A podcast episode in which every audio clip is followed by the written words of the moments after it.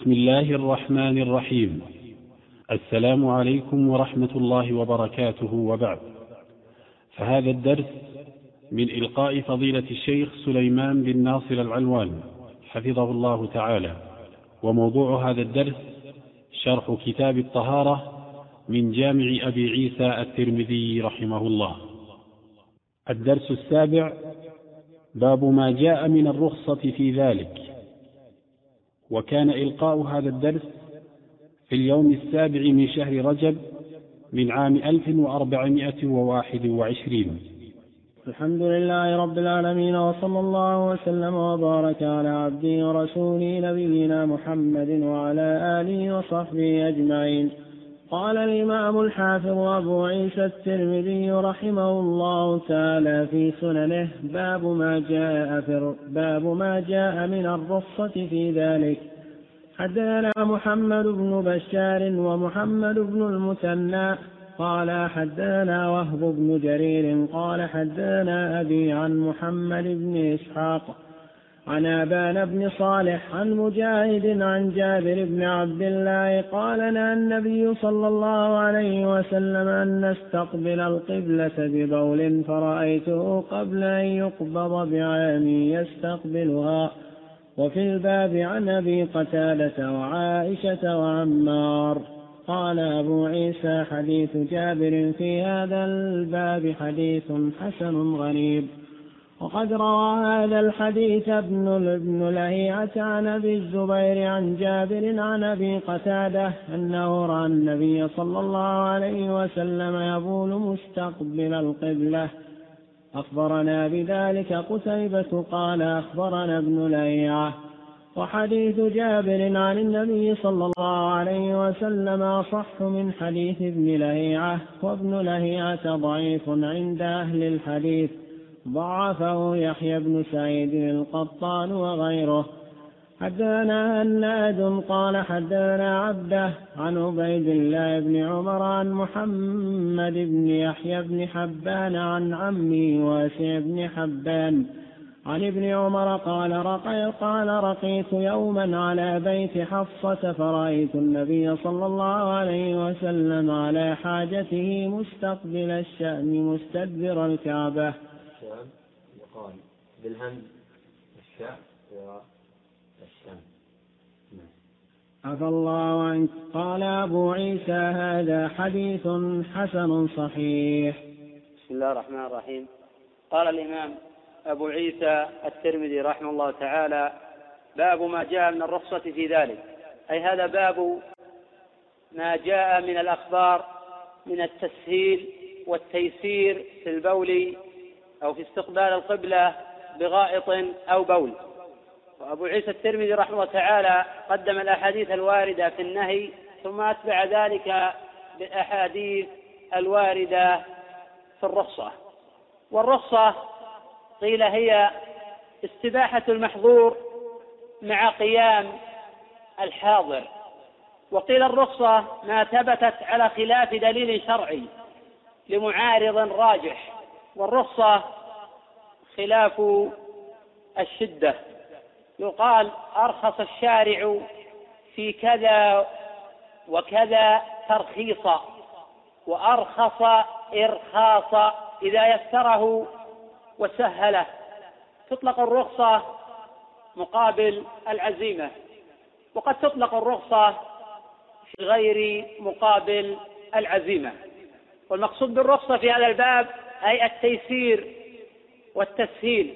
قال أبو عيسى رحمه الله تعالى حدثنا محمد ابن بشار وهو بندار. قد تقدم أنه قال ولدت في السنة التي توفي فيها حماد بن سلمة وقد توفي حماد سنة سبع وستين ومائة وتوفي ابن بشار سنة اثنتين وخمسين ومائتين وتقدم أنه من رواة الستة ومحمد بن المثنى. أي حدثنا محمد بن بشار ومحمد بن المثنى. ابن عبيد ابن قيس ابن دينار العنزي. البصري الحافظ أبو موسى. ولد في السنة التي توفي فيها حماد بن سلمة. فقد ولد محمد بن بشار ومحمد بن المثنى في عام واحد. وقد قال بندار ولدت أنا وأبو موسى في السنة التي توفي فيها حماد بن سلمة. وروى ابن المثنى عن إسماعيل بن علية وحماد بن أسامة وخالد بن الحارث الهجيمي وعبد الرحمن بن مهدي ومعاذ بن معاذ والوليد بن مسلم ويحيى بن سعيد القطان ويزيد بن هارون وأبي بكر الحنفي ويونس ويونس ابن بكير. وعنه الجماعة وبقي بن مخلد والذهلي وأبو حاتم وأبو زرعة الرازيان. قال ابن معين ثقة وقال أبو الحسين وقال أبو الحسين ابن محمد أي عبد الله بن محمد السمناني. كان أهل البصرة يقدمون أبا موسى على بندار. وكان الغرباء يقدمون بندار على أبي موسى. وقال الخطيب رحمه الله كان ثقة ثبتا احتج سائر الأئمة بحديثه. وقد مات بذي القعدة سنة اثنتين وخمسين ومئتين. قوله قال حدثنا وهب أي وهب ابن جرير ابن حازم الأزدي البصري روى عن أبيه وحديثه عند الجماعة وروى عن حماد بن زيد وشعبة وهشام بن حسان وهشام الدستوائي وعنه يعقوب بن إبراهيم الجوزجاني والدورقي وإسحاق وهو ابن راهويه والحسن بن علي الخلال وسليمان بن حرب. قال عنه الإمام يحيى بن معين رحمه الله ثقة وقال سليمان بن داود القزاز الرازي قلت لأحمد بن حنبل أريد البصرة عمن أكتب.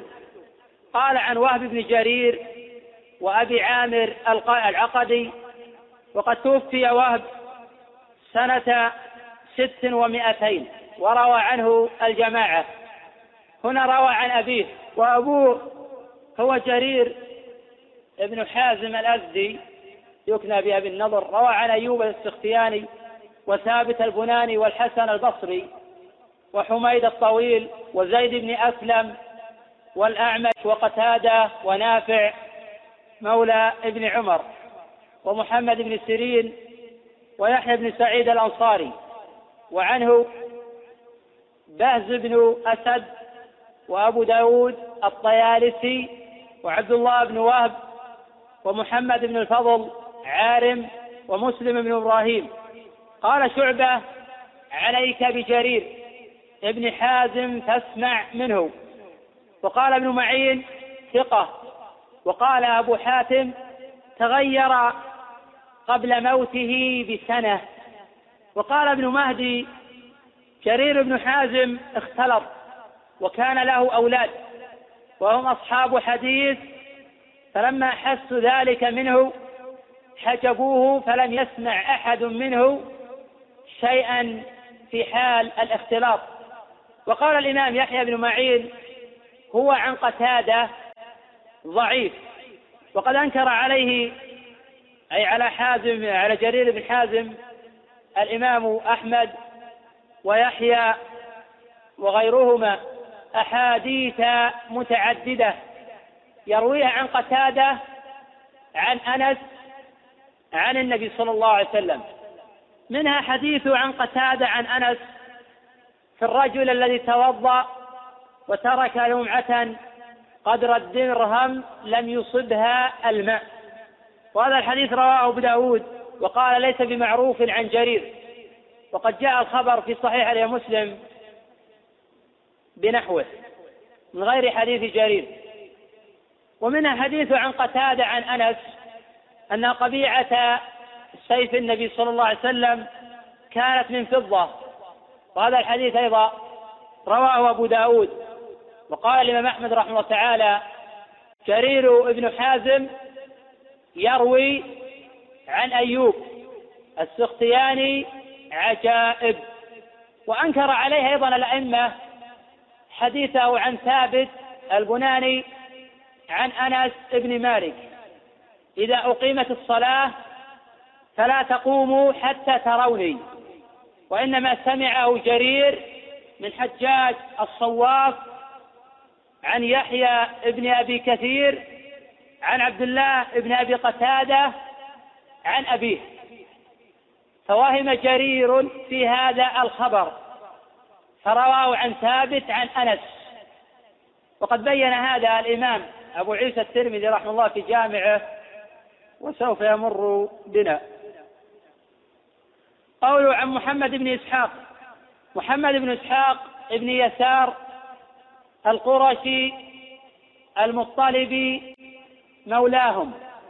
المدني صاحب السيرة.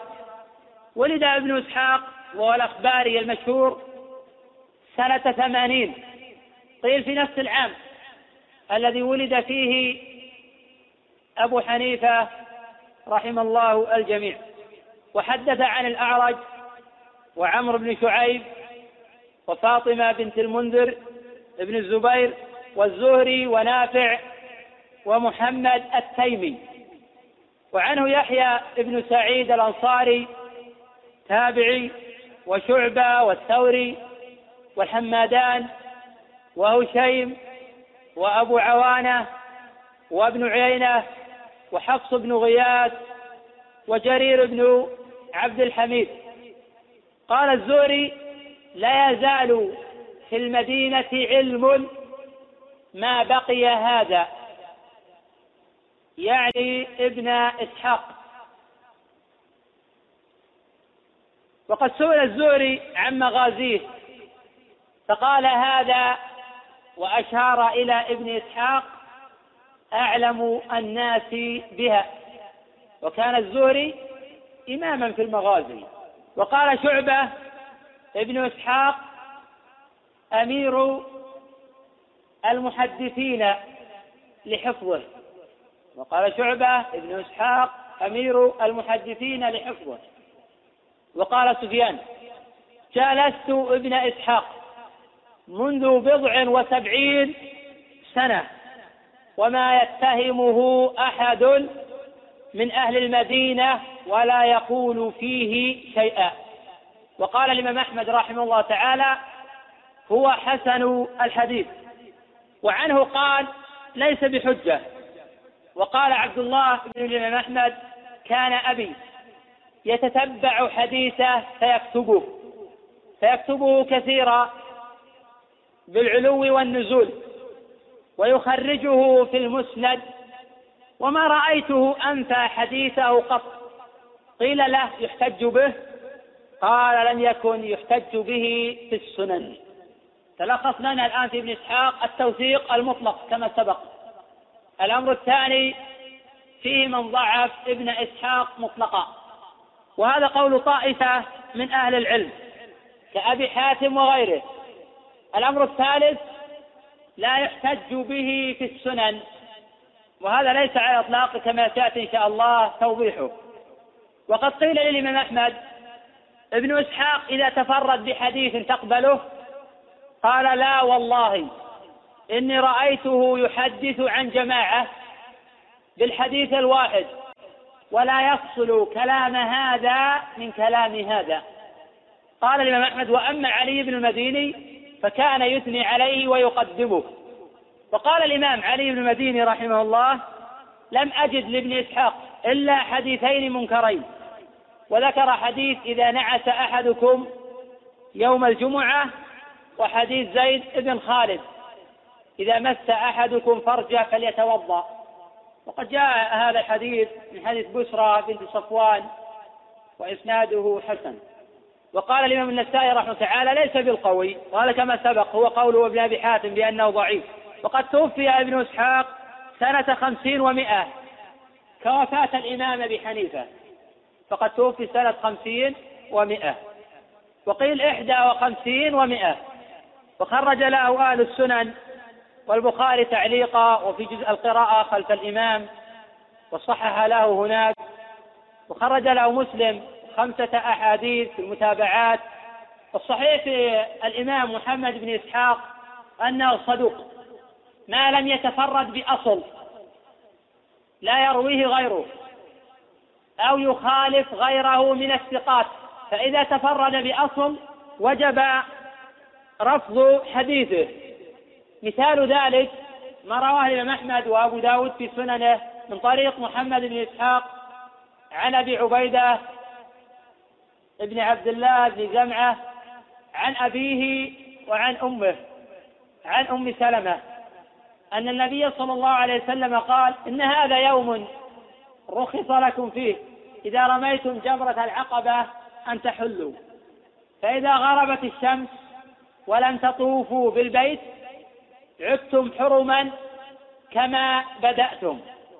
هذا الخبر أصل في هذا الباب. ولم يروي كبير أحد عن أبي عبيدة سوى ابن إسحاق ولا يحتج به إذا تفرد بالأصول وشيخه أبو عبيدة وإن كان من رجال الإمام مسلم ومعروف النسب والشرف غير أنه لا يحتج بتفرداته في الأصول فإنه غير معروف في الحفظ ومن هو أجل منه قدرا وأحفظ منه. إذا تفرد بأصل يتوقف فيه وقد يرد. فكيف بتفردات أبي عبيدة بمثل هذا الخبر أو بشيخه بتلميذه ابن إسحاق؟ ومثل هذه الأحاديث تقوى تفردات السفيانين ومالك وابن مهدي وشعبة وأمثال هؤلاء الحفاظ الذين لا يضر تفردهم على أن بعض المحدثين قد يرد تفردات بعض هؤلاء الأئمة. وفي هذا الخبر أيضا عدة علل وقد تقدم قول علي بن مديني حين أنكر عليه حديثين إذا نعش أحدكم وحديث زيد مس فرجه فليتوضأ. وقول الإمام أحمد رحمه الله تعالى لا يحتج به في السنن. ليس مراد الإمام أحمد أنه لا يحتج بمحمد بن إسحاق في كل ما روى في السنن. إنما يقيد ذلك إذا تفرد. بدليل أن الإمام أحمد رحمه الله تعالى احتج بأحاديث كثيرة لمحمد بن إسحاق. فعلم أنه قال في السنن أي إذا تفرد بسنة. بينما لو تفرد محمد بن إسحاق في حديث الفضائل ونحو ذلك نقبل حينئذ حديثه لأن مثله يتفرد بمثل هذه الأمور. أما كونه يتفرد بحديث في السنن وهو أصل في السنة أو أصل في الباب فلا نقبله بل نرد حديث من هو أكبر منه. فقد رد الإمام النسائي حديث أبي داود الحفري وأين يقع؟ ابن إسحاق من أبي داود الحفري حين روى حديث عائشة رأيت رسول الله صلى الله عليه وسلم يصلي متربعة رواه النسائي وذكر ما تفرد به أبو داود الحفري وقال ثقة والخبر منكر. ووضح أن أبا داود الحفري ثقة. وأن تفرد الثقة لا يلزم منه الصحة. فقد يتفرد الثقة بالحديث ويكون خبره معلولا كهذا الحديث. وابن إسحاق الآن هنا روى حديث النبي صلى الله عليه وسلم أن نستقبل القبلة ببول قال جابر فرأيته قبل أن يقبض بعام يستقبلها. فمن يقول بأن هذا الخبر أصل في الباب؟ فالنظر الصحيح يقتضي رد هذا الخبر على ابن إسحاق. ومن قال بأن هذا الخبر ليس أصلا في الباب. الأصل في الباب حديث ابن عمر وسيأتي الحديث عنه في الصحيحين أو عند الستة. فحينئذ يقتضي النظر قبول حديث ابن إسحاق لأنه لم يتفرد بأصل. وسيأتي الحديث إن شاء الله على حديث جابر. قوله عن أبان بن صالح وهذا هو ابن عمير. أبان بن صالح ابن عمير. القرشي مولاهم. وقد ولد سنة ستين. وولد في هذه السنة جمع من الأكابر. منهم الإمام الأعمش والإمام قتادة وجماعات ولدوا في هذا العام. وقد روى أبان بن صالح عن أنس بن مالك والحسن البصري وعطاء بن أبي رباح وعطاء بن يسار. وعنه ابن عجلان وأسامة بن يزيد بن زيد الليثي وابن جريج. وقد طعن فيه الإمام ابن عبد البر رحمه الله وقال ضعيف.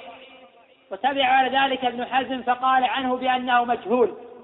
ولا أعلم أحدا من المحدثين تابعهما على ذلك. فقد قال الإمام يحيى بن معين رحمه الله ثقة. وتبعه على ذلك النسائي وأبو زرعة وأبو حاتم وجماعات كلهم احتجوا بأبان بن صالح وأنه ثقة. وحينئذ نعلم تفرد ابن عبد البر في ذلك وأن هذا من الغلط الذي وقع فيه الإمام ابن عبد البر رحمه الله. وقول ابن حزم بأنه مجهول هذا غير صحيح. فقد عرفه الحفاظ والأكابر ووثقوه واحتجوا به. وهذا ليس بغريب من أبي محمد بن حزم رحمه الله. فقد قال عن أبي عيسى الترمذي رحمه الله بأنه غير معروف. قوله فقد توفي أبان بن صالح سنة بضع عشرة ومئة قوله عن مجاهد عن جابر. تقدم الحديث عن مجاهد عن جابر في الكلام على حديث مفتاح الجنة الصلاة. قال نهى النبي صلى الله عليه وسلم أن نستقبل القبلة ببول تقدم أن الأصل في النهي التحريم. تقدم أن الأصل في النهي التحريم. قوله أن نستقبل القبلة. بعض العلماء فرق بين الاستقبال والاستدبار فإذا جاء النهي في الاستقبال حصر النهي على الاستقبال. إذا جاء النهي في الاستدبار حصر حصر النهي في الاستدبار وبعض أهل العلم لا يرى التفريق بينهما. فإن النهي عن الاستقبال كالنهي عن الاستدبار. فإذا جاء النهي عن الاستقبال لحقه الاستدبار والعكس بالعكس وهذا الصحيح في النظر فإنه لا فرق بينهما. والتعاليل التي ذكرت في النهي عن الاستقبال هي موجودة في الاستدبار. والتعاليل الموجودة في الاستدبار هي موجودة في الاستقبال. قول أن نستقبل القبلة ببول. فرأيت قبل أن يقبض بعام يستقبلها. في هذا دليل أن النهي سابق للإذن طبعا النهي ناقل عن الأصل لأن الأصل في ذلك الجواز. النهي ناقل عن الأصل لأن الأصل في ذلك الجواز. وأراد جابر في هذا الحديث أن يوضح أنه نهي عن ذلك. قال ثم رأيت قبل أن يقبض بعام يستقبلها. ولم يذكر جابر رضي الله عنه. هل كان هذا في الفضاء أم في البنيان؟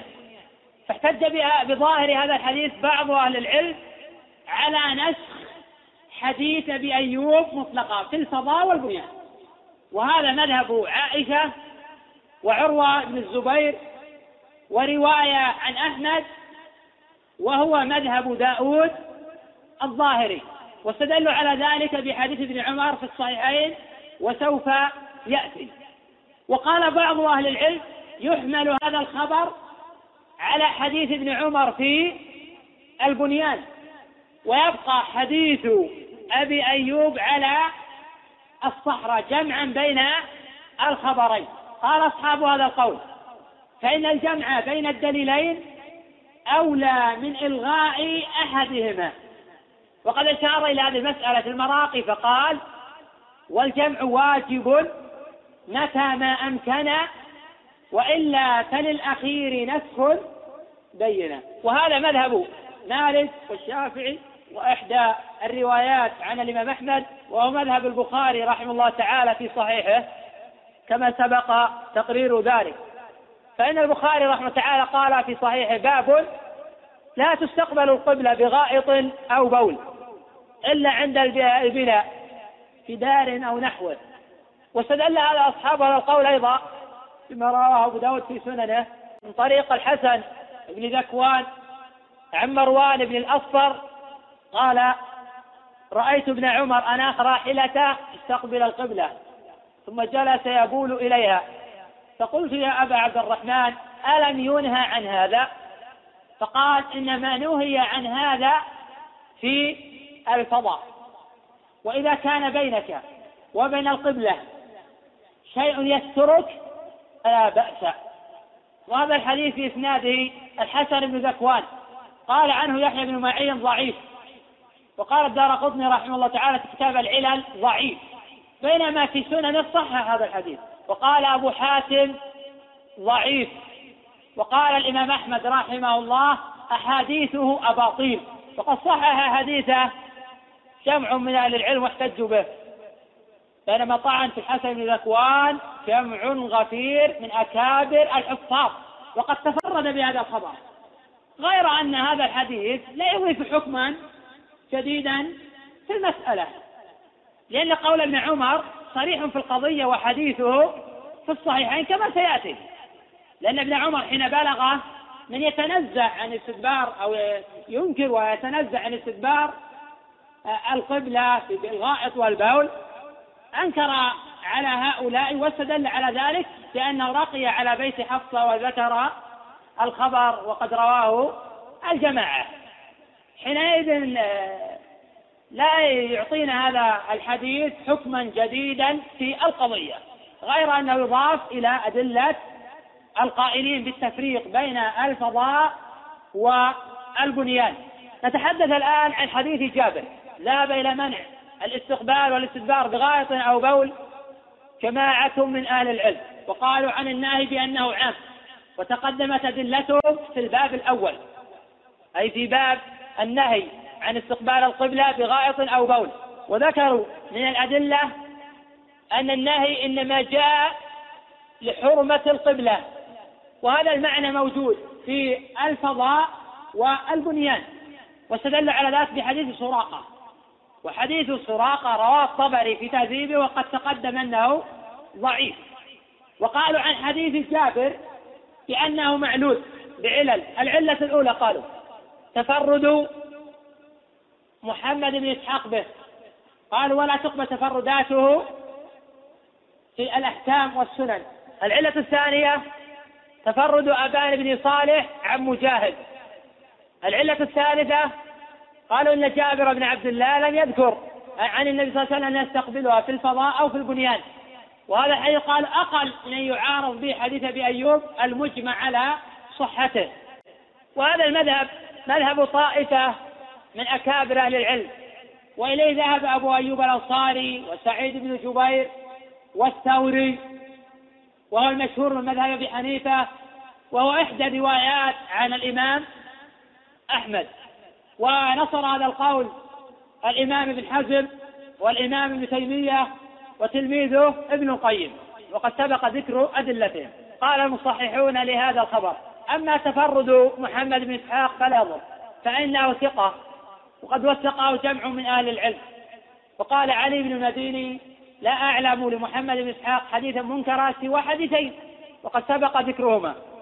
وابن إسحاق لم يتفرد بهذا الخبر أي لم يتفرد بحديث في أصل في الباب وإنما العملة في هذا الباب حديث ابن عمر المتفق على صحته. وهذا الحديث إنما يقوي حديث ابن عمر. وإذا قلنا بأن ابن إسحاق لم يتفرد بأصل فالراجح قبول حديثه. ولو اعتبرنا هذا الحديث أصلا في الباب لضعفنا ابن إسحاق. لأنه لا يمكن معارضه حديث ابي ايوب بحديث يتفرد به ابن إسحاق. لكن أنا لا أعتبر هذا الحديث هو الأصل في هذا الباب لأن الاحتجاج بحديث ابن عمر وسياتي إن شاء الله. أن حديث ابن عمر ليس خاصة بالنبي صلى الله عليه وسلم لأن الأصل التشريع ولا تثبت الخصوصية إلا بدليل. وأما أبان بن صالح فقد تقدم توثيق الأئمة له ولم يطعن فيه غير ابن عبد البر وابن حزم وهما محجوجان باتفاق الأئمة على توثيق أبان بن صالح. وأما كون جابر لم يذكر في هذا الخبر. هل كان في الفضاء أم في البنيان؟ فيحتمل أن يكون في الفضاء ويحتمل أن يكون في البنيان. فإذا كان في الفضاء فيكون ناسخا لحديث أبي لماذا تخصصونه في الصحراء؟ وإذا كان في الصحراء فقال فإنه يقيد في الصحراء دون البنيان. أقول حديث جابر عام. ويحتمل وروده في الفضاء. وحينئذ هل يقوى على نسخ حديث أبي أيوب في هذا إشكال؟ لأننا إذا قلنا بأنه في الفضاء صار أصلا. ما صار تابعا لحديث ابن عمر. وإذا قلنا بأن هذا الحديث في البنيان على حديث ابن عمر لن يكن حينئذ أصلا. فإذا قلنا أن حديث جابر عام فلا أظنه يبلغ مرتبة مرتبة الحجية.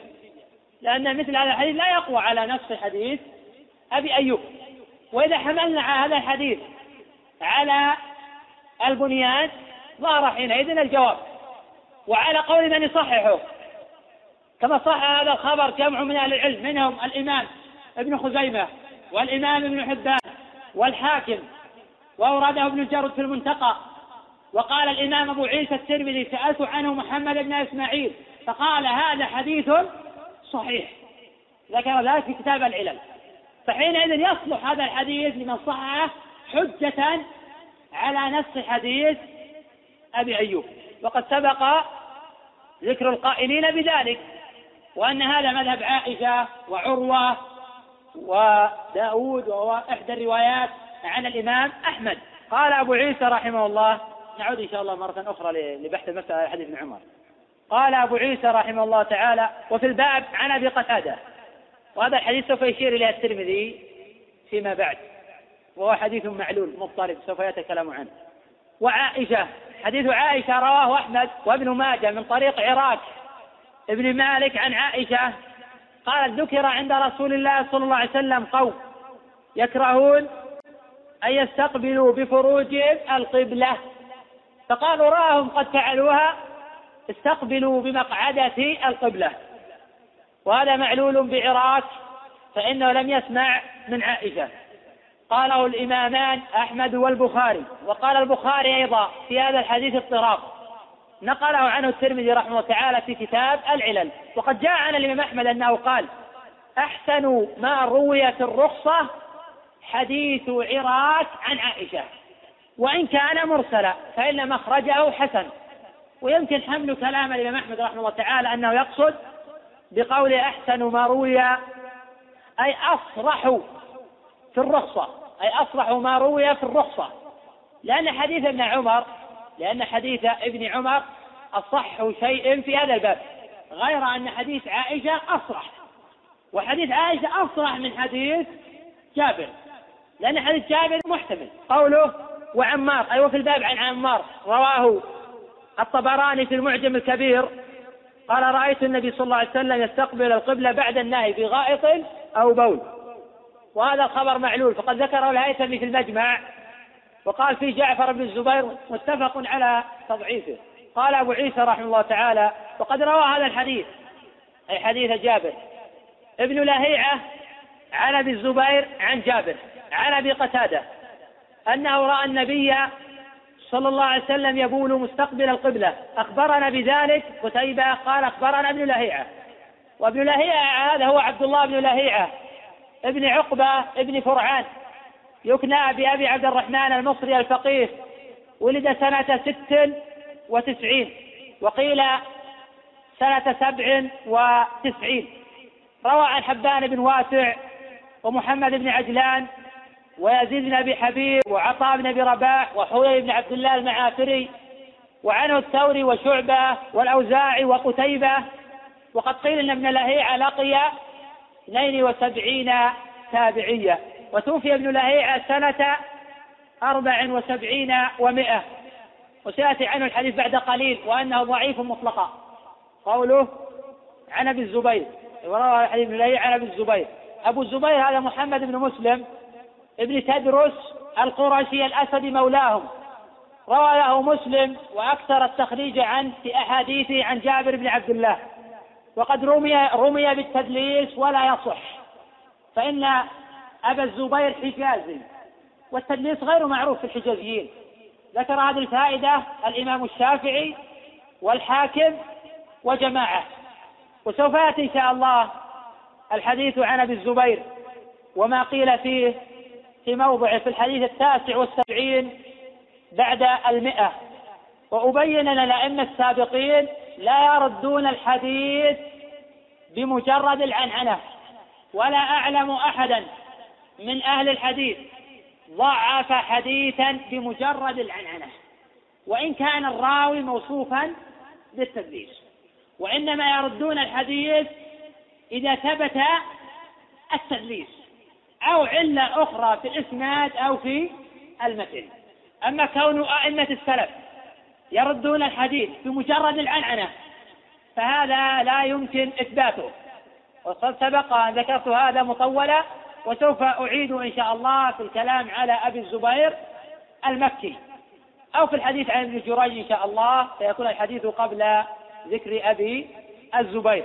قال أبو عيسى رحمه الله تعالى وحديث جابر عن النبي صلى الله عليه وسلم أصح.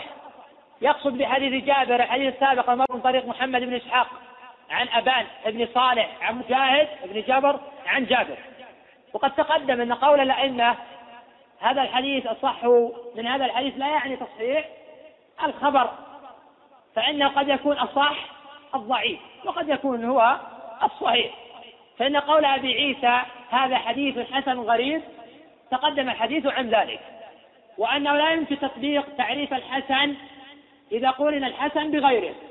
إذا شرد الحسن قال أبو عيسى هذا حديث حسن طبقنا تعريف الحسن عليه الذي جاء من غير وجه كما في تعريفه بعيسى الترمذي. وإذا قرنه أبو عيسى قال هذا حديث حسن صحيح أو هذا حديث حسن غريب فإن الحسن حينئذ يغاير التعريف المذكور في كتاب العلل وقد سبق تقرير ذلك وتوضيحه فيما سبق.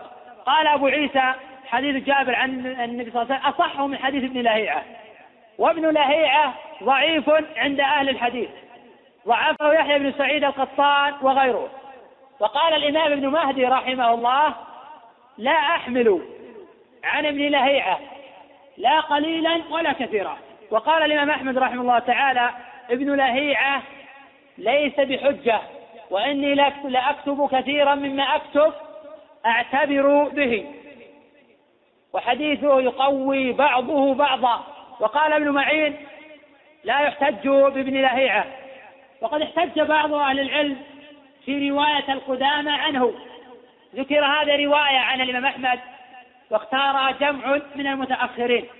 وفيه نظر.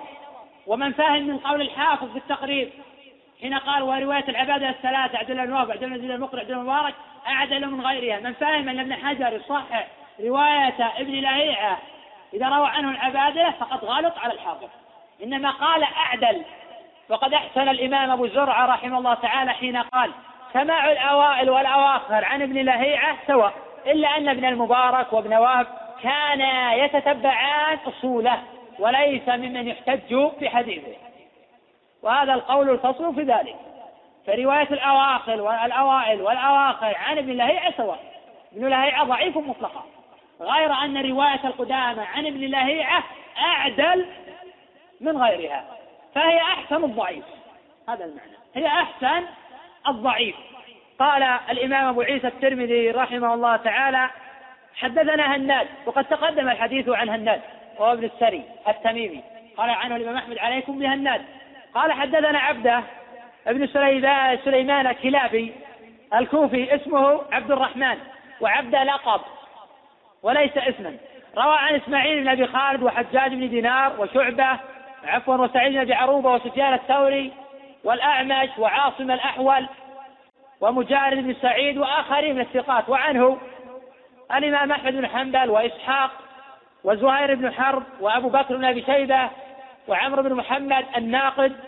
قال الإمام أحمد رحمه الله تعالى ثقة ثقة وكان شديد الفقر. وقال الإمام يحيى بن معين رحمه الله تعالى ثقة وقد مات سنة سبع وثمانين ومائة عن عبيد الله بن عمر ابن حفص بن عاصم ابن عمر ابن الخطاب القرشي العدوي روى عن ثابت البناني وسالم بن عبد الله وسعيد المقبري وسمي مولى أبي بكر بن عبد الرحمن وسهيل بن أبي صالح وأبي الزناد ونافع. وعنه أبان بن يزيد العطار وأيوب بن أبي تميم السختياني وبشر المفضل وابن جريج وعبد الرزاق والسفيانان وشعبة ويحيى القطان وأبو معاوية محمد بن خالد بن الضرير والليث بن سعد وآخرون من الثقات. قال أبو حاتم سألت الإمام أحمد بن حنبل رحمه الله عن مالك وعبيد الله وأيوب. أيوب أثبت في نافع. فقال الإمام أحمد عبيد الله أثبتهم وأحفظهم وأكثرهم رواية. وقال أحمد بن صالح ثقة ثبت مأمون ليس أحد أثبت في حديث نافع منه. وقد توفي سنة سبع وأربعين ومائة. قول عن محمد بن يحيى بن حبان. محمد بن يحيى بن حبان الأنصاري تابعي روى عن أنس بن مالك وأبي صالح السمان والأعرج وعن إسماعيل بن أمية والليث بن سعد ومالك والزهري وموسى ويحيى بن سعيد الأنصاري وموسى بن عقبة وهو ثقة كثير الحديث. له حلقة في مسجد رسول الله صلى الله عليه وسلم وكان يفتي وقد مات بالمدينة سنة إحدى وعشرين ومائة وهو ابن أربع وسبعين. قال عن عمه واسع بن حبان الأنصاري روى عن جابر بن عبد الله ورافع بن خديج وأبي سعيد الخدري وعنه ابن حبان بن واسع في مسلم وأبي داود الترمذي وابن أخيه محمد بن يحيى عند الجماعة وقال أبو زرعة ثقة. عن ابن عمر تقدم الحديث عن عبد الله بن عمر وأنه أسلم وهو صغير قد استصغر يوم أحد وأذن له بالخندق وكان من أعبد الناس وأورعهم وأكثر تحريا لهدي رسول الله صلى الله عليه وسلم. وقد روى عن النبي صلى الله عليه وسلم أحاديث كثيرة. وتوفي سنة ثلاث وسبعين. قال مالك بلغ ابن عمر سبعا وثمانين سنة. وقد تقدم كل ذلك. قال ابن عمر رقيت يوما على بيت حفصة. فرأيت النبي صلى الله عليه وسلم على حاجته مستقبل الشام مستدبر الكعبة. قال أبو عيسى هذا حديث حسن صحيح. وقد رواه البخاري ومسلم من طريق عبد الله بن عمر العمري عن محمد بن يحيى بن حبان عن عمه عن ابن عمر. وجاء هذا الخبر في الصحيحين من طريق يحيى بن سعيد عن محمد بن يحيى بن حبان عن عم واسع عن عبد الله بن عمر أنه كان يقول إن ناسا يقولون إذا قعدت على حاجتك فلا تستقبل القبلة ولا بيت المقدس. فقال عبد الله بن عمر لقد ارتقيت يوما على ظهر بيت لنا فرأيت رسول الله صلى الله عليه وسلم على لبنتين مستدبر الكعبة مستقبل بيت المقدس. وهذا الحديث دليل على جواز استدبار الكعبة في البنيان. لأن ابن عمر احتج بهذا الحديث على من منع. وراوي الحديث أفهم للخبر من غيره ولا سيما من ابن عمر رضي الله عنه. ولم يفهم ابن عمر الخصوصية من هذا العمل لأن الأمر المتقرر التشريع. ولا ذكر هذا الخبر لأبي أيوب فاحتج به على التخصيص حتى نقول إن أبا أيوب يرى خصوصية هذا الخبر. فيحتمل أن أبا أيوب لم يعلم بهذا الخبر أصلا ولم يسمع به. بينما ابن عمر رضي الله عنه قال لقد ارتقيت يوما حديث لقد رقيت يوما على بيت حفصة والرواية الأخرى على ظهر بيت لنا. فرأيت النبي صلى الله عليه وسلم على حاجزه واللفظ الآخر على لبنتين مستدبر الكعبة. والأصل في ذلك التشريع. ولا يجوز إثبات الخصوصية في حديث ما إلا بدليل. وفي هذا رد على من قال بأن المنع من استقبال القبلة واستدبارها من أجل حرمة القبلة. ليس هناك معظم للقبلة أعظم من نبينا محمد صلى الله عليه وسلم. فلو كانت العلة هي حرمة القبلة لكان النبي صلى الله عليه وسلم أعظم الناس احتراما له ولا ما فعل ذلك أصلا. لا والناس يطلعون على ذلك أو لم يطلعوا على ذلك. فلا يمكن لأحد الناس أن يكونوا أعظم تعظيما للقبلة من رسول الله صلى الله عليه وسلم. على أن القول بأنه لأجل حرمة القبلة هو احتجاج بحديث سراقة وقد تقدم تضعيف حديث سراقة ولا يصح. وقد احتج بهذا الحديث البخاري في صحيحه. على جواز الاستقبال والاستدبار للقبلة في البنيان. وهذا مذهب أحمد في إحدى الروايات. لأنه إذا جاز الاستدبار جاز الاستقبال. والذي صح حديث جابر يقول صح في حديث ابن عمر الاستدبار الاستدبار وفي حديث جابر الاستقبال. هذا إذا حملنا حديث جابر على البنيان. أما إذا حملناه على الفضاء ففي صحته نظر لأنه صار أصلا في الباب. وهذا مذهب أيضا الشافعي مالك كما سبق والشافعي وجماعات من أهل العلم. وهذا الحديث يقيد حديث أبي أيوب ويخصصه ويحمل حديث أبي أيوب على الفضاء دون البنيان. فإن الجمع بين النصوص أولى من الغاء أحدهما. لا داعي أن نقول بقول عائشة وعروة وربيعة وداود ورواية عن أحمد بأنه يجوز في الفضاء والبنيان مطلقا لأن هذا يقتضي إلغاء بعض النصوص. ولا داعي أن نقول بقول أبي أيوب مطلقا يحرم في الفضاء والبنيان مطلقا ومعنا أدلة تفيد الجواز في البنيان. حينئذ نعمل حديث أبي أيوب على الفضاء وحديث ابن عمر على البنيان. فإن قال قائل قد سبق في أدلة المانعين. ما هو الفاصل؟ وما هو الحد؟ الفاصل والحاجز في الفضاء والبنيان. فالجواب أن نرجع ذلك للعرف والدليل والنظر يقتضيان ذلك.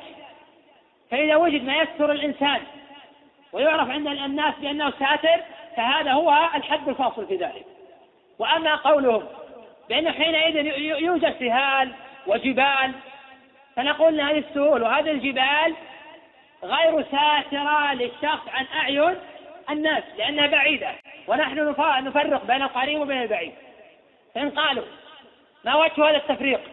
نقول النظر يقتضي التفريق. فلو أن رجلا مد رجله إلى مصحف وكان المصحف قريبا. كان المصحف مجاورا لرجله. لا يفصل بينهما سوى شبر أو شبرين أو ثلاثة. لكرهنا هذا له لأن هذا لم يعظم المصحف. ولو مد رجله والمصحف يبعد عنه كيلو. لما كرهنا. إذا فصلنا بين القليل وبين الكثير. وكذلك إذا كان المصحف وراء الدبر وبينك وبينه جدار لا نمنع ذلك ولا نكرهه. ولو كان المصحف وراء الدبر مباشرة وليس بينهما حائل لقلنا بأن أقل الأحوال هذا الفعل كراهية. إن لم نقل بالتحريم إن لم نقل بالكفر كما قاله بعض الفقهاء. إن لم نقل بالكفر كما قاله بعض الفقهاء. غير أن هذا في نظر ولا يصح. لأن بعض الفقهاء الأحناف يقول من قال مسيجد أو مصيحف كفر. وفي هذا نظر. ما لم يقصد الإهانة والتقليل من شأن بيوت الله ومن شأن كلام الله جل وعلا.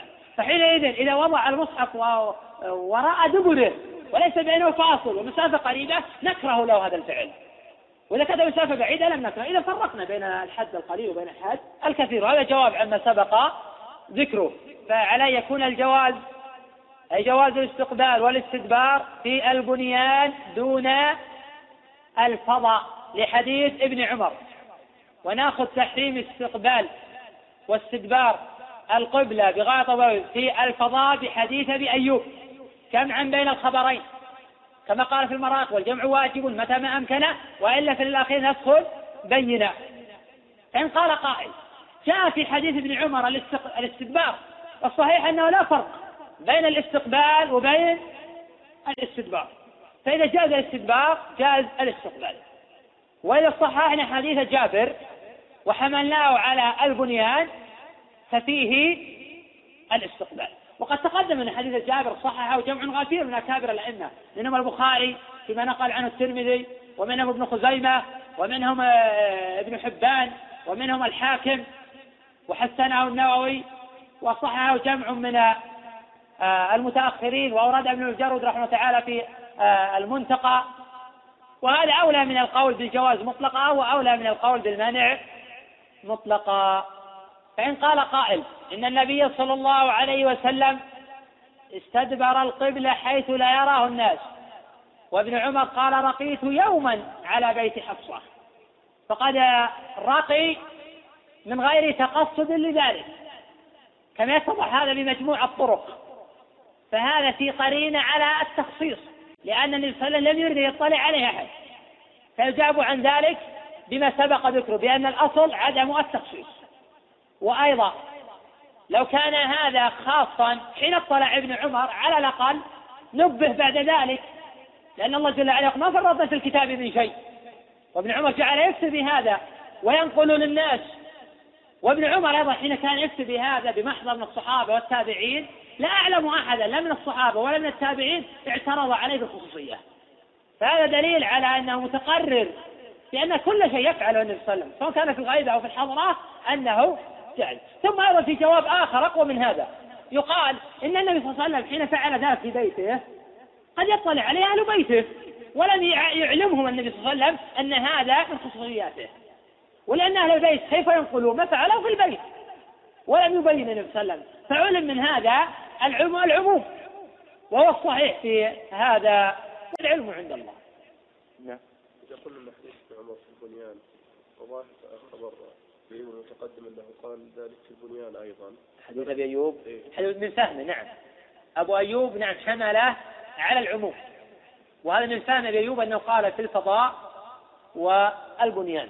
لكن لفظ الحديث يحمل على الفضاء. لفظ النفي ليس بغلبة ونحمل على الفضاء. ونحمل حديث ابن عمر على البنيان جمعا بين النصين. بينما أبو أيوب أعمل الحديث على ظاهر لأنه ما بلغ حديث ابن عمر. ونحن حين بلغنا حديث ابن عمر نحمل حديث ابن عمر على البنيان. وحديث أبي أيوب على الفضاء لنجمع بين النصين. ولأن ابن عمر حين قيل أنهم يكرهون احتج بذلك على البنيان. ولم يحتج به على الفضاء وهذا أولى من أولى من ادعاء النسخ.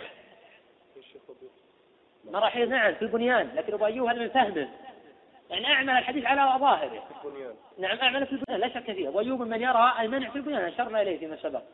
وهذا قول سعيد بن جبير والثوري وجماعة من أهل العلم. من الذي يقول؟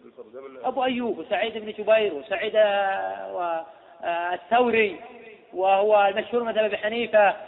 وهو إحدى الروايات عن أحمد وهو رأي ابن حزم وابن تيمية وابن القيم. هؤلاء يقولون بالمانع في الفضاء والبنيان مطلقا أخذا بعموم حديث أبي أيوب. وحديث أبي أيوب صريح في هذا. لكن لما جاء معارض له أعملنا المعارض في بابه. وأعملنا حديث أبي أيوب في الفضاء. لنجمع بين النصين. وهذا أولى من الغاء أحدهما. نعم. هذا جيد يعني وهذا إحدى القواعد في هذه المسألة أنه إذا جاء نهي عن النبي صلى الله عليه وسلم ثم جاء بعد ذلك فعل من النبي صلى الله عليه وسلم في استقبال القبلة فإن النهي يحمل على التنزيه والفعل يحمل على الجواز. هذا إذا كان لهما جهة واحدة. فلو صححنا حديث جابر ولم يكن في الباب غيره لقلنا إن النهي في الفضاء والبنيان على التنزيه وحديث جابر يفيد الجواز كما قال في المراقي وربما يفعل للمكروه مبينا أنه للتنزيه فصار في حقه من القرب كالنهي أن يشرب من فم القرب. ولكن لما جاء حديث ابن عمر صار للمسألة وجهان وجه فضاء وجه بنيان. فما استطعنا أن نحمل هذا على آه كراهية التنزيه وهذا على الجواز لأن حديث ابن عمر في البنيان. وحديث جابر عام حديث جابر عام لكن حديث جابر لا يمكن نصححه حتى العموم. وحديث أبي أيوب عام فأعملنا حديث أبي أيوب على الفضاء وأعملنا حديث ابن عمر على البنيان. ولم نستطع أن نحمل حديث أبي أيوب على الكراهية. وحديث ابن عمر على الجواز مطلقا في الفضاء والبنيان. لأنه حينئذ له وجهان. أما لو كان الحكم وجه واحد لأعملنا النهي للتنزيه. والآخر على الجواز. نظير مثال ذلك نهى رسول الله صلى الله عليه وسلم عن الشرب قائما ثم شرب النبي صلى الله عليه وسلم قائما. نحمل النهي على التنزيه والفعل على الجواز. نهى رسول الله صلى الله عليه وسلم عن الشرب من فم القربة. ورخص في ذلك كما أشار في آه، البيتين السابقين. فنحمل النهي على التنزيه والفعل على الجواز. لأن للمسألة وجها واحدا أما هنا لا لها وجهان. إلا إذا قلنا بحديث جابر. أما إذا وجد حديث أبي أيوب وحديث عمر فالمسألة وجهان. فلا يمكن أن نطبق هذه القاعدة حينئذ في المسألة. واضح؟ يمكن أن نقول أن حديث ابن عمر لا يمكن أن نقول أن حديث ابن عمر قبل النهي لأن ابن عمر احتج به على من؟ نهى. وكأن راقي على بيت حفصة متأخرة فاحتج به على الجواز. ولأن ابن عمر نقل له النهي. فبإمكان ابن عمر أن يقول إن هذا الفعل سابق فكيف احتج به؟ فكان أعمل الحديث على أنه متأخر. ولهذا لم يعترض عليه أحد في هذا الاستدلال. نعم. بتحريم ذلك الصلاة من حديث أبي لا تستقبل القبلة لا بغاط ولا بغاط صريح في, في العموم في الفضاء والبنيان لولا حديث ابن عمر. بس ليس فعل أبي أيوب يبين هذا العلامة يبين هذا الحديث. هو روى الحديث وقال لما أتينا مراحيض. يعني كانه ينزل هذا الحديث أيضا في البنيان فيكون متفق مع حديث ابن عمر. لا ما اتفق. أبو أيوب نهى عنه حتى في البنيان واستغفر الله حتى في البنيان. حديث ابن عمر جوز في البنيان. نعم.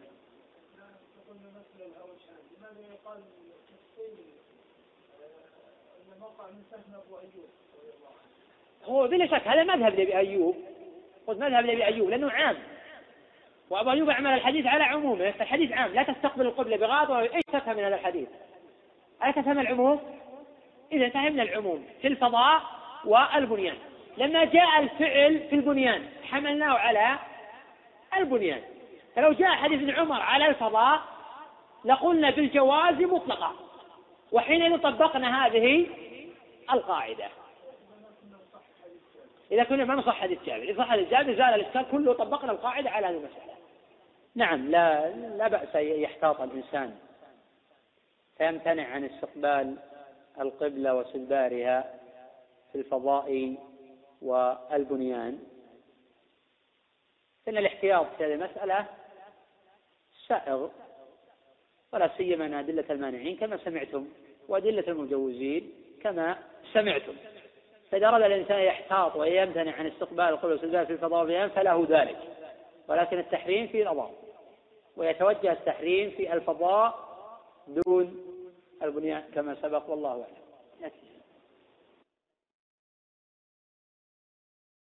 بسم الله الرحمن الرحيم. السلام عليكم ورحمة الله وبركاته وبعد. فهذا الدرس من إلقاء فضيلة الشيخ سليمان بن ناصر العلوان حفظه الله تعالى. وموضوع هذا الدرس شرح كتاب الطهارة من جامع أبي عيسى الترمذي رحمه الله. الدرس الثامن باب النهي عن البول قائما. وكان إلقاء هذا الدرس في اليوم العاشر من شهر رجب من عام ألف وأربعمائة وواحد وعشرين.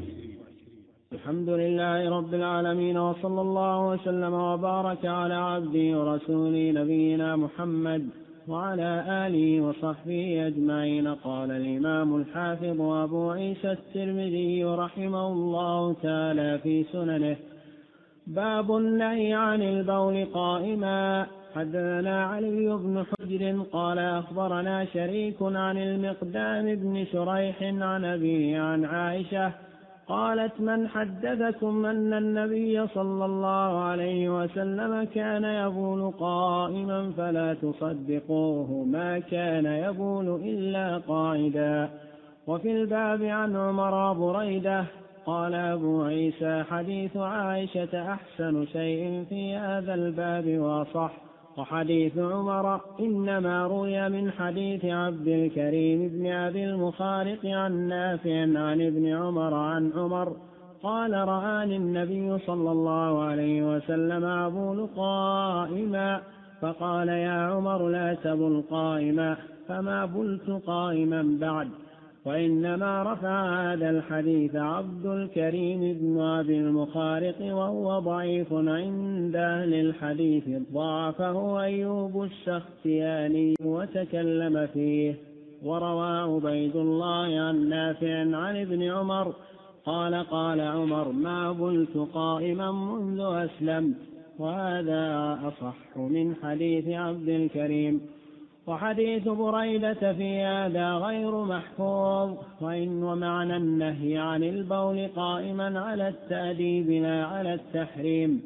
وقد روي عن عبد الله بن مسعود قال إن من الجفاء أن تبول وأنت قائم. بسم الله الرحمن الرحيم. قال الإمام أبو عيسى الترمذي رحمه الله تعالى باب النهي عن البول قائما. باب خبر لمبتدا محذوف. تقديره هذا باب النهي عن البول قائمة. ويجوز أن يعرب باب مبتدأ وساغ الابتداء بالنكرة من أجل الإضافة. والخبر تقديره باب النهي عن البول قائما هذه أحاديثه أو هذا مكانه أو هذا محله. تكون هذا مبتدأ. ومحله أو مكانه أو هذه الأحاديث أو هذه أحاديثه هذا مبتدأ وحديث خبر. والمبتدا الثاني وخبره خبر عن المبتدا الأول. ويجوز النصب في باب باب النهي عن البول قائما. نصب على المفعولية أي اقرأ باب النهي عن البول قائما. والأول أظهر ويجوز الثاني والثالث. قدم أن الأصل في النهي التحريم. ما لم يمنع من ذلك مانع والموانع كثيرة وقد تقدم شيء من ذلك. فإن الحديث قد يرد بالنهي سياتي حديث آخر يصرفه عن ذلك. وقد يكون الإجماع صارفا وقد يكون فهم الصحابة صارفا بحيث يحملون النهي على التنزيه. وغير ذلك من الصوارف. وأبو عيسى الترمذي وإن قال باب النهي عن البول قائما إلا أنه يرى أن النهي للتنزيه وليس للتحريم. وأهل العلم مختلفون في حكم البول قائما على ثلاثة مذاهب. وأهل العلم مختلفون في حكم البول قائما على ثلاثة مذاهب. المذهب الأول التحريم وهو مذهب سعد بن إبراهيم بن عبد الرحمن بن عوف. وقد كان لا يجيز شهادة من بال قائما ذكر ذلك عنه ابن المنذر الأوسط. وقال ابن بريدة والشعبي في قول عنه من الجفاء أن تبول قائما. الجفاء هو ضد البر ويحتمل أن تفيد هذه الصيغة التحريم وتحتمل هذه الصيغة كراهية التنزيه فلا يمكن الجزم بأحدهما إلا بقرينة. والأظهر التنزيه. فقد أورد هذه الألفاظ غير واحد من الأئمة في أدلة القائلين بالكراهة. القول الثاني الكراهية. إذا كان البول قائما بدون عذر أي يكره البول قائما بدون عذر. وهذا مذهب الإمام الشافعي ورواية عن الإمام أحمد. وهذا الذي ذكره أبو عيسى الترمذي في جامعه وسيأتي إن شاء الله شرحه. المذهب الثالث يجوز البول قائما بلا كراهة إذا أمن التلويث. وهذا قول الإمام مالك وهو الصحيح من مذهب الإمام أحمد. وهو الصحيح من مذهب الإمام أحمد. قال أبو عيسى الترمذي رحمه الله تعالى حدثنا علي بن حجر. حجر بضم المهملة وسكون الجيم. ابن إياس السعدي المروزي قيل إنه ولد سنة أربع وخمسين ومائة وقد روى عن إسماعيل بن جعفر وجرير بن عبد الحميد وسفيان بن عيينة وعبد الله بن المبارك وعبد العزيز بن أبي حازم وعلي بن مسهر ويزيد بن هارون. وعنه أبو عبد الله البخاري ومسلم والنسائي والترمذي كما هنا وفي مواضع كثيرة وجماعة كثيرون. قال عنه الإمام النسائي رحمه الله تعالى ثقة مأمون حافظ. وقد توفي سنة أربع وأربعين ومئتين. قال أخبرنا شريك وهو ابن عبد الله ابن أبي شريك النخعي الكوفي القاضي. ولد سنة خمس وتسعين. وروى عن أشعث ابن أبي الشعثى وجامع ابن أبي راشد والحجاج بن أرطاه وعاصم بن كليب والأعمش وسماك بن حرب وهشام بن عروة وآخرين. وعنه إبراهيم بن مهدي وحماد بن أسامة وأبو قتيبة سلم بن قتيبة وأبو داود الطيالسي وهناد السري ووكيع ويزيد بن هارون. قال الإمام أحمد رحمه الله سمع شريك من أبي إسحاق السبيعي قديما وشريك في أبي إسحاق أثبتوا من زهير وإسرائيل وزكريا. وقال يحيى ابن معين شريك ثقة وهو أحب إلي من أبي الأحوص وجرير. وليس يقاس هؤلاء بشريك. وقال ابن معين أيضا شريك صدوق ثقة إلا أنه إذا خالف فغيره أحب إلينا منه. وقيل ليحيى بن سعيد زعموا أن شريكا إنما خلط بآخرة. قال ما زال مخلطا. ومذهب يحيى بن سعيد تضعيف شريك مطلقا. وقال أبو داود عن شريك بأنه ثقة يخطي عن الأعمش. ثقة يخطي عن الأعمش. وقال يعقوب ابن شيبة صدوق ثقة سيء الحفظ جدا.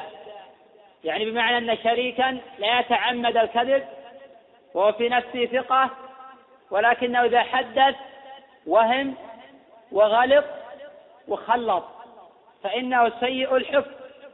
وحينئذ نعلم أنه لا تنافي بين قول المحدث بأنه ثقة وبين رمي الراوي بسوء الحفظ ولو قيد جدا. وقال الجوزجاني عن شريك لأنه سيء الحفظ مضطرب الحديث. ومن الأمثلة الدالة على سوء حفظ شريك روايته عن عاصم بن كليب عن أبيه عن وائل بن حجر. قال رأيت رسول الله صلى الله عليه وسلم يضع ركبتيه إذا سجد قبل يديه. وهذا الخبر قد أعله أبو عيسى في سننه وفي العلل. وذكر أن شريكها كثير الغلط والوهم وأعله غير واحد بشريك. وذلك لكثرة غلطه وسوء حفظه ورواية على التوهم. وقال ابن أبي حاتم مثال آخر على سوء حفظه. قال ابن أبي حاتم سألت أبي عن حديث رواه شريك عن عاصم الأحول عن الشعبي عن ابن عباس أن النبي صلى الله عليه وسلم احتجم وهو صائم محرم. فقال هذا خطأ أخطأ فيه شريك.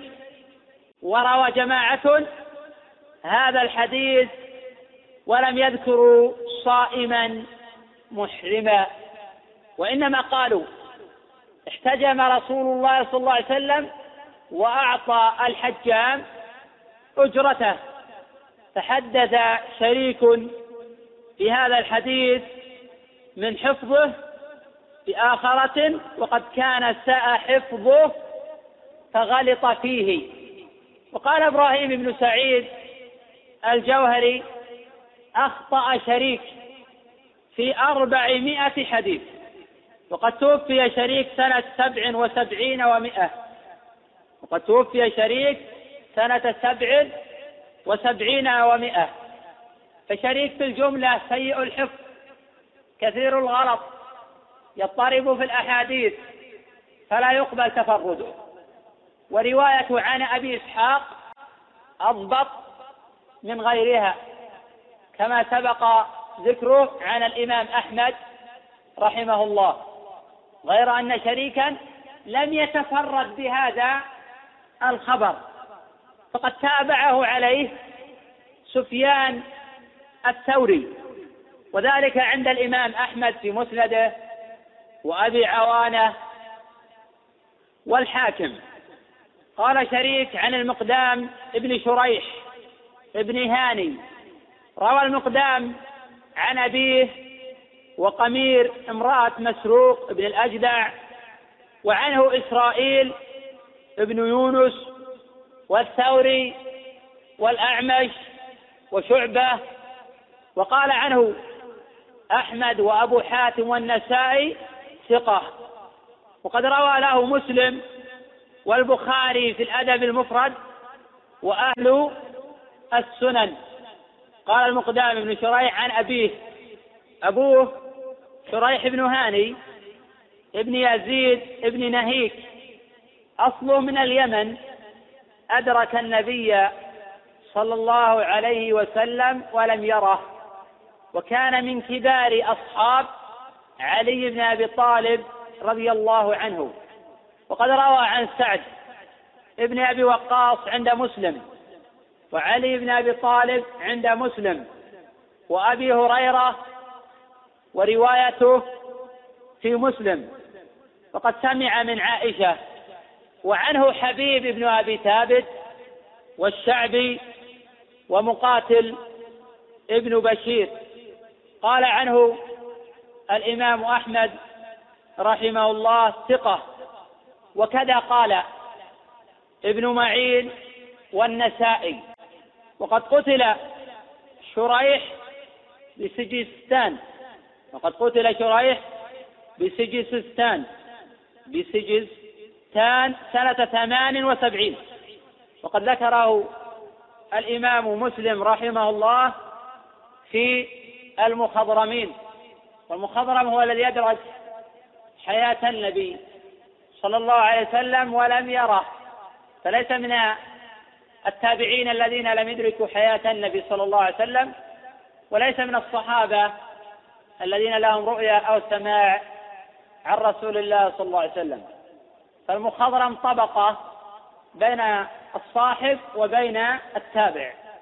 عن عائشة الصديقة بنت الصديق وقد سمع شريح من عائشة.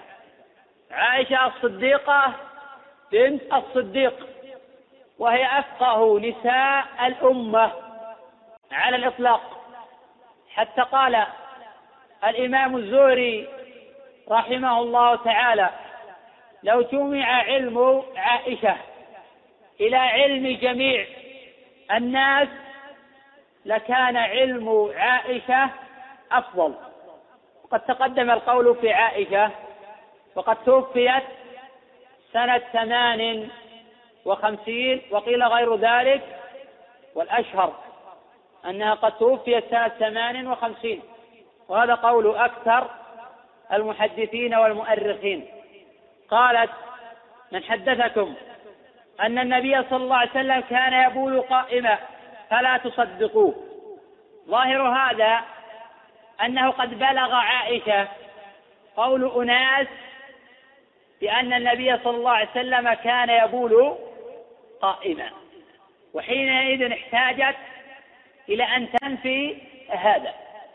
وأن النبي صلى الله عليه وسلم ما كان يبول إلا جالسا وعائشة رضي الله عنها تخبر عن مبلغ علمها وعما رأته في بيتها. وقد حفظ غيرها ما خفي عليها وما عزب عن علمها.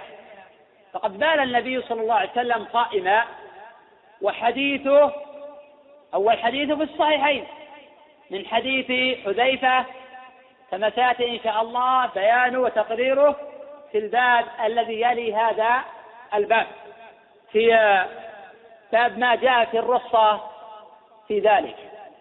وظاهر حديث عائشة وقولها لا يدل على منع أو على على تحريم البول قائما.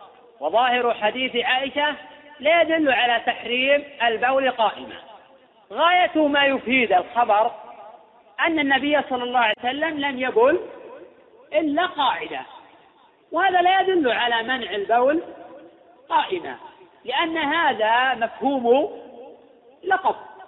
ومفهوم اللقب غير حجة عند الأصوليين بل هو قول كافة الأصوليين.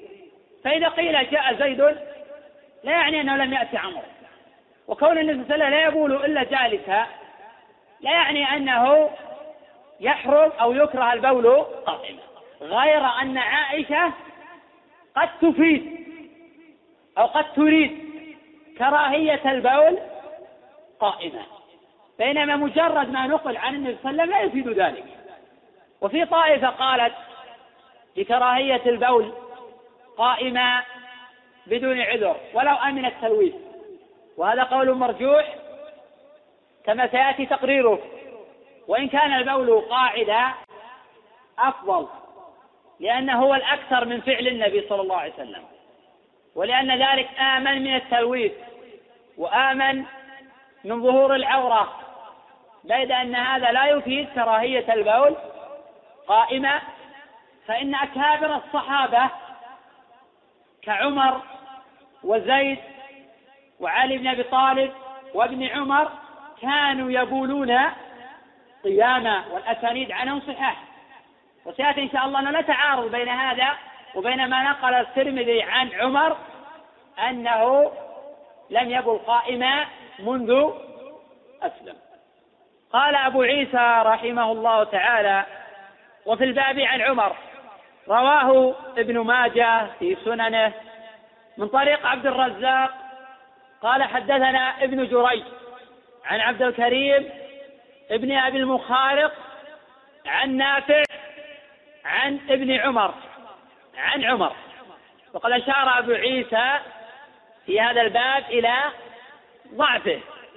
فقد تفرد به ابن أبي المخارق وهو ضعيف عند أكابر أهل الحديث. وقد أشار أبو عيسى إلى ذلك فقال وهو ضعيف عند أهل الحديث ضعفه أيوب السختياني وتكلم فيه. وسيأتي إن شاء الله تعالى. قوله وبريدة.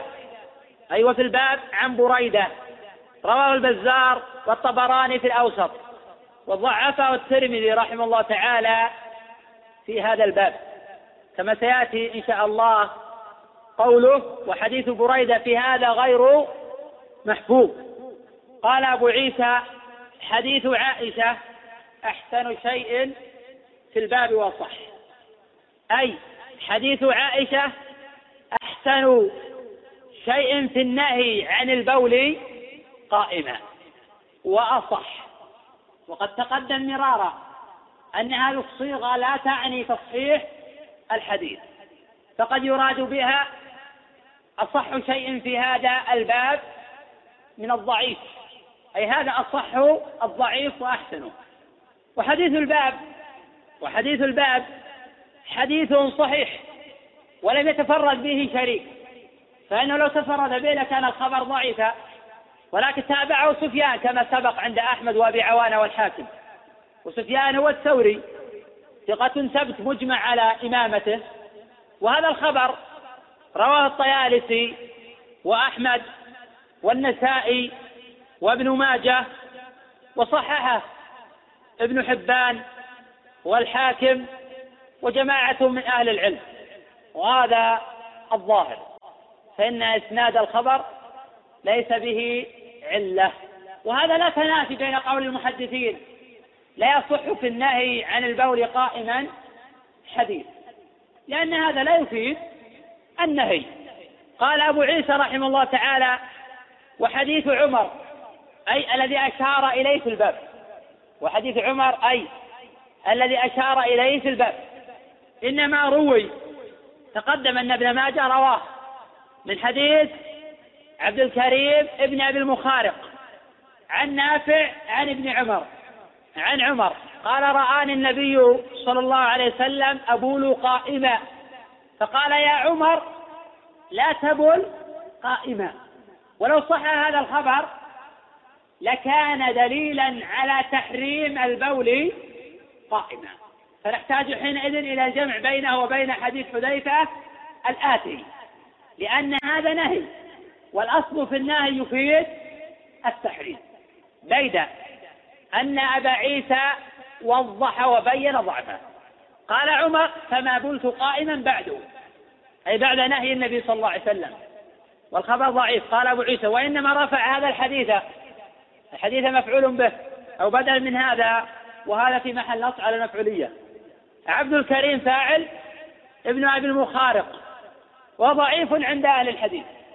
قال معمر ما رأيت أيوب اغتاب أحدا قط إلا ابن أبي المخارق فإنه ذكره فقال رحمه الله كان غير ثقة وهذا تلطف في الجرح.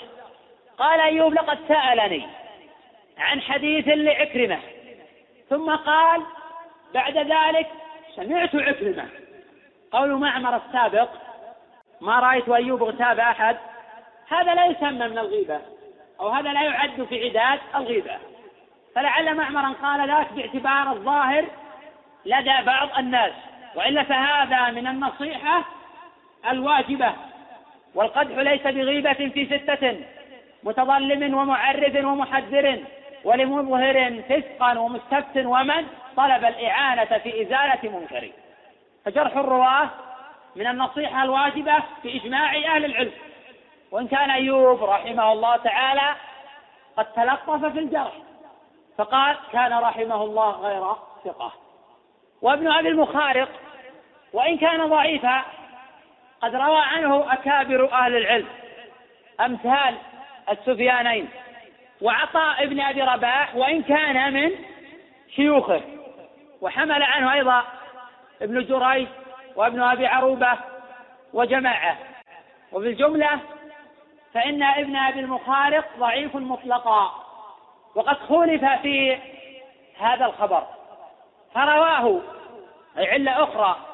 هذه علة أخرى غير تضعيف ابن أبي المخالد وقد خولف فيه. مما يدل على تفرد ابن أبي مخالد ونكارة تفرده. قال أبو عيسى وقد روى أبو وقد روى عبيد الله وهو ابن عمر العمري الثقة الثبت عن نافع عن ابن عمر. قال عمر ما بلت قائما منذ أسلمت. وهذا الأثر رواه ابن أبي شيبة والبزار وجماعة وإسناد صحيح. قال ابن أبي شيبة رحمه الله في المصنف حدثنا ابن إدريس وابن نمير عن عبيد الله فذكره وإسناد صحيح. وقد صححه ابن المنذر في الأوسط. وأسند عن عمر بإسناد صحيح أنه كان يبول قائما وروى هذا أيضا ابن أبي شيبة وصححه ابن حجر في الفتح. قال الإمام ابن المنذر رحمه الله تعالى في الأوسط في الجمع بين الأثرين. قال فقد يجوز. أي قال هذا على قول عمر كما قلت منذ أسلمت. قال فقد يجوز أن يكون عمر في هذا الوقت أي إلى هذا الوقت الذي قال هذا القول لم يكن قد بال قائما ثم بال بعد ذلك قائما. معنى هذا أن عمر حين قال قلت قائما منذ أسلمت أي إلى هذه اللحظة لم يبل قائما مما نقله عنه الراوي. وبعد ذلك بال قائما للأسانيد الصحاح الواردة عن عمر في هذا الباب.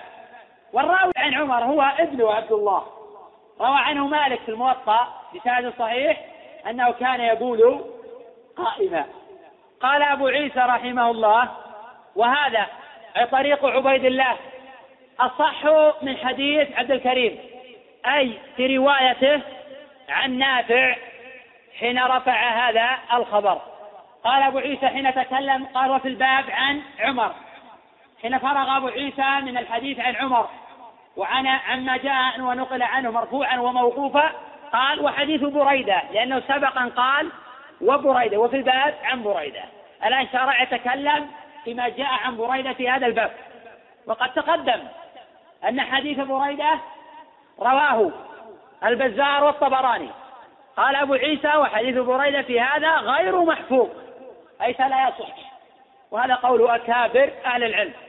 ولا يصح في المرفوع شيء سوى ما تقدم الحديث عنه في قول عائشة رضي الله عنها.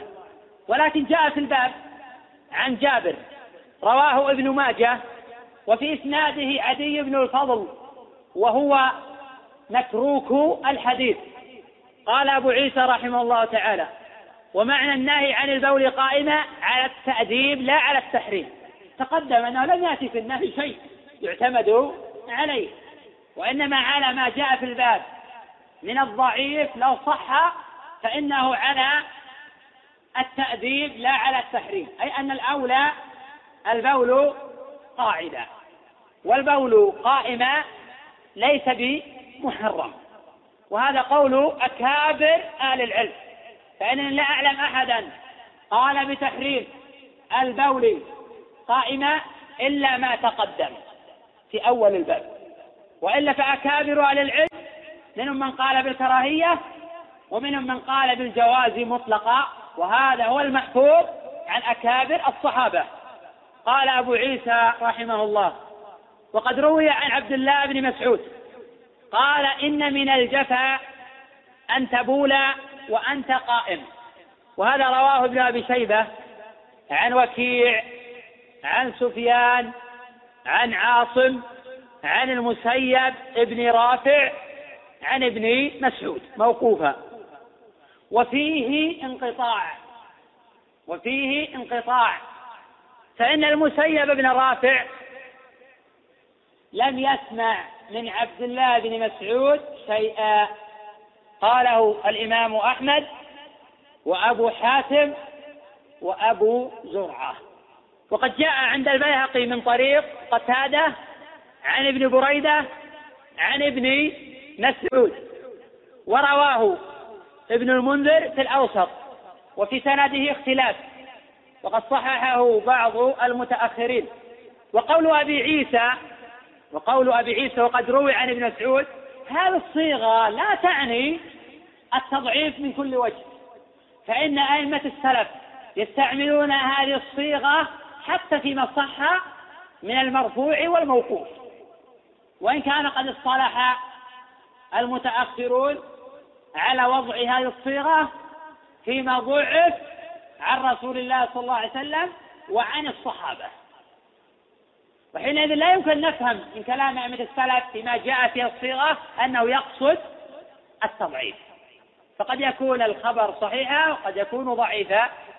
فنعتبر ذلك بالنظر في أسانيد الخبر. وقد تقدم أن هذا جاء عن ابن بريدة وعن الشعبي في قول عنه بأسانيد صحاح وعن غيرهما أنهم قالوا إن من الجفا أن تبول وأنت قائم. وهذه الصيغة كما سبق يحتمل أن تفيد التحريم لأن الجفا هو ترك البر والصلة ويطلق الجفا على غلظ الطبع. ويحتمل وهو الأظهر أن هذه الصيغة للكراهية. وقد قال ذلك غير واحد من أكابر أهل العلم فقالوا بكراهية البول قائما وقد تقدم أن هذا هو مذهب الإمام الشافعي إذا كان البول قائما بدون عذر وهو رواية عن الإمام أحمد. وتقدم أن بعض العلماء قال بالتحريم كما نسب هذا إلى سعد بن إبراهيم بن عبد الرحمن بن عوف. وقد تقدم أنه لا يجيز شهادة من بال قائما. ذكر ذلك عنه ابن المنذر في الأوسط. وفي هذا نظر. وإن قلنا بهذا القول فإن وقوع العبد في المعصية لا يعني منع شهادته. فقد يكون المرء متأولا أو مجتهدا أو مقلدا لغيره من المفتين. وأصحاب رسول الله صلى الله عليه وسلم مختلفون في ذلك فبعضهم كان يتنزه عن البول قائمة كأبي موسى وكما يفهم من قول عائشة ومن قول ابن مسعود إن صح عنه وأكابرهم كانوا يقولون قياما كعمر في أحد القولين عنه وعلي وزيد وابن عمر وجماعة. والصحيح في هذه المسألة وأستعجل الترجيح وإن كان سوف يأتي إن شاء الله الحديث عن هذه القضية في الباب الذي يلي هذا. جواز البول صياما بدون كراهة بشرط أن يأمن التلويث. وهذا مذهب مالك وهو الصحيح من مذهب أحمد. وإذا أصابه شيء يسير من رذاذ البول فإنه معفو عنه. فإن أهل الكوفة يعفون عن يسير النجاسات. وهذا اختيار شيخ الإسلام ابن تيمية رحمه الله. وأشد المذاهب في هذه المسألة الشافعية فإنهم يشددون في قضية النجاسات. حتى قالوا بنجاسة الأرواث والأبوال مطلقة. أي حتى أرواث ما يؤكل لحمه. وفي هذا نظر وعفى الإمام أحمد رحمه الله تعالى عن يسير النجاسات التي يشق التحرز عنها. كيسير النجاسة بعد الاستجمار وسوف أعيد شيئا من ذلك في الباب الذي يلي هذا إن شاء الله تعالى والله أعلم. نعم. أي نعم. بالنسبة لجواز البول قائما المرأة كالرجل في ذلك. نعم. لا يشرع في هذا لأن التستر واجب. لمن بال قائما ولمن بال قاعدا. لأنه ليس شرطا في البول قياما حتى نشترطه. لكن أمن التلويث الذي يبول جالسا الغالب أنه يأمن التلويث بخلاف من بال قائما. فقد يتطاير عليه رشاش البول. فيعفى عن اليسير والأولى يتحرى الأرض الرخوة اللينة حتى لا يتطاير عليه رذاذ ورشاش البول حتى لا يقع أيضا في الوسوسة. لأن بعض الناس يصاب بالوسوسة بسبب هذا العمل. فيرتاد لبوله مكانا رخوة. حتى لا يصيبه الرذاذ لكن لو أصابه الرذاذ وكان يسيرا عفي عنه في أصح قولي العلماء كما مذهب أهل الكوفة واختيار شيخ الإسلام ابن تيمية رحمه الله. لأن غالبا يبول قائما يصيبه شيء من ذلك. وقد بال النبي صلى الله عليه وسلم قائما كما في حديث حذيفة في الصحيحين وإن شاء الله نتحدث عنه في الدرس القادم. آه، بعض أهل العلم الأخ يقول إذا قلنا بأن ابن الخالق ضعيف كفروا عنه بعض الثقات كما ذكرتم ذلك. فالثقات والأئمة الحفاظ حين يرون عن الراوي إنما يعتبرون بحديثه ولا يعني هذا توثيقا له. فقد يرون عن الراوي وضعفونه كما روى شعبة عن عاصم بن عبد الله وضعفه. فقال لو سألته من بنى مسجد البصرة قال حدثنا فلان عن فلان عن النبي صلى الله عليه وسلم أنه بناه فالحفاظ حين يروون عن الضعفاء لا يعني أنهم يوثقونهم. إنما يعتبرون بأحاديثهم في باب المتابعات أو الشواذ أو غير ذلك أو من باب الاعتبار وبيان الضعف. لا يمكن تصحيح حديث بريدة فيه اضطراب واختلاف. والأمر كما قال أبو عيسى رحمه تعالى هو غير محفوظ. ولا أعلم أحدا من أكابر أئمة السلف صححه. إنما جاء تصحيح هذا الخبر عن المتأخرين وقد أشار بعض المعلقين إلى قضية تصحيحه حين رواه عبد الله بن بريدة عن أبيه. وقد رواه عن عبد الله بن بريدة سعيد وروى عن سعيد عبد الله بن داود وعبد الواحد بن واصل. وهذا تفرد غير مقبول كما أشار إلى ذلك البزار رحمه الله تعالى في مسنده.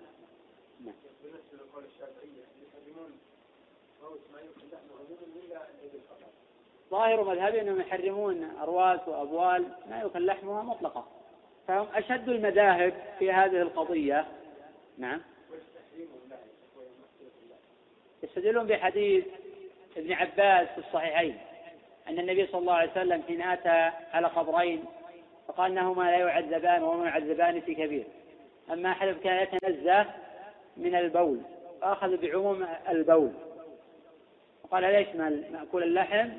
ويشمل غير مأكول اللحم.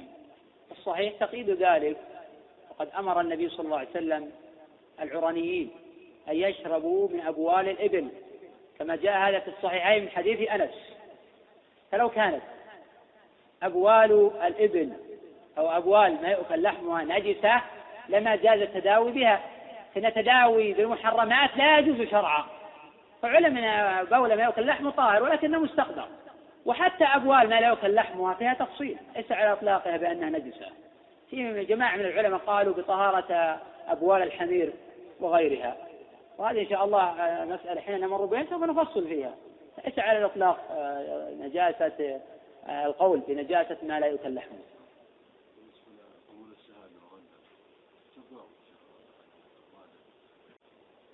هذه لها باب مستقل يعني لكن الله جل وعلا قال وأشهدوا ذوي عدل منكم. تقبل شهادة العدل. إذا ارتكب الإنسان مفسقا أو كبيرة من الكبائر وكانت ظاهرة فإنه حينئذ لا تقبل شهادة لأنه خرج عن حيز العدالة. أما إذا كانت مسألة خلافية وقد تبنى هذا الرجل أحد هذه الأقوال والخلاف فيها سائغ ومشهور بين أهل العلم فلا يجوز رفض شهادته ولا الامتناع عن ذلك.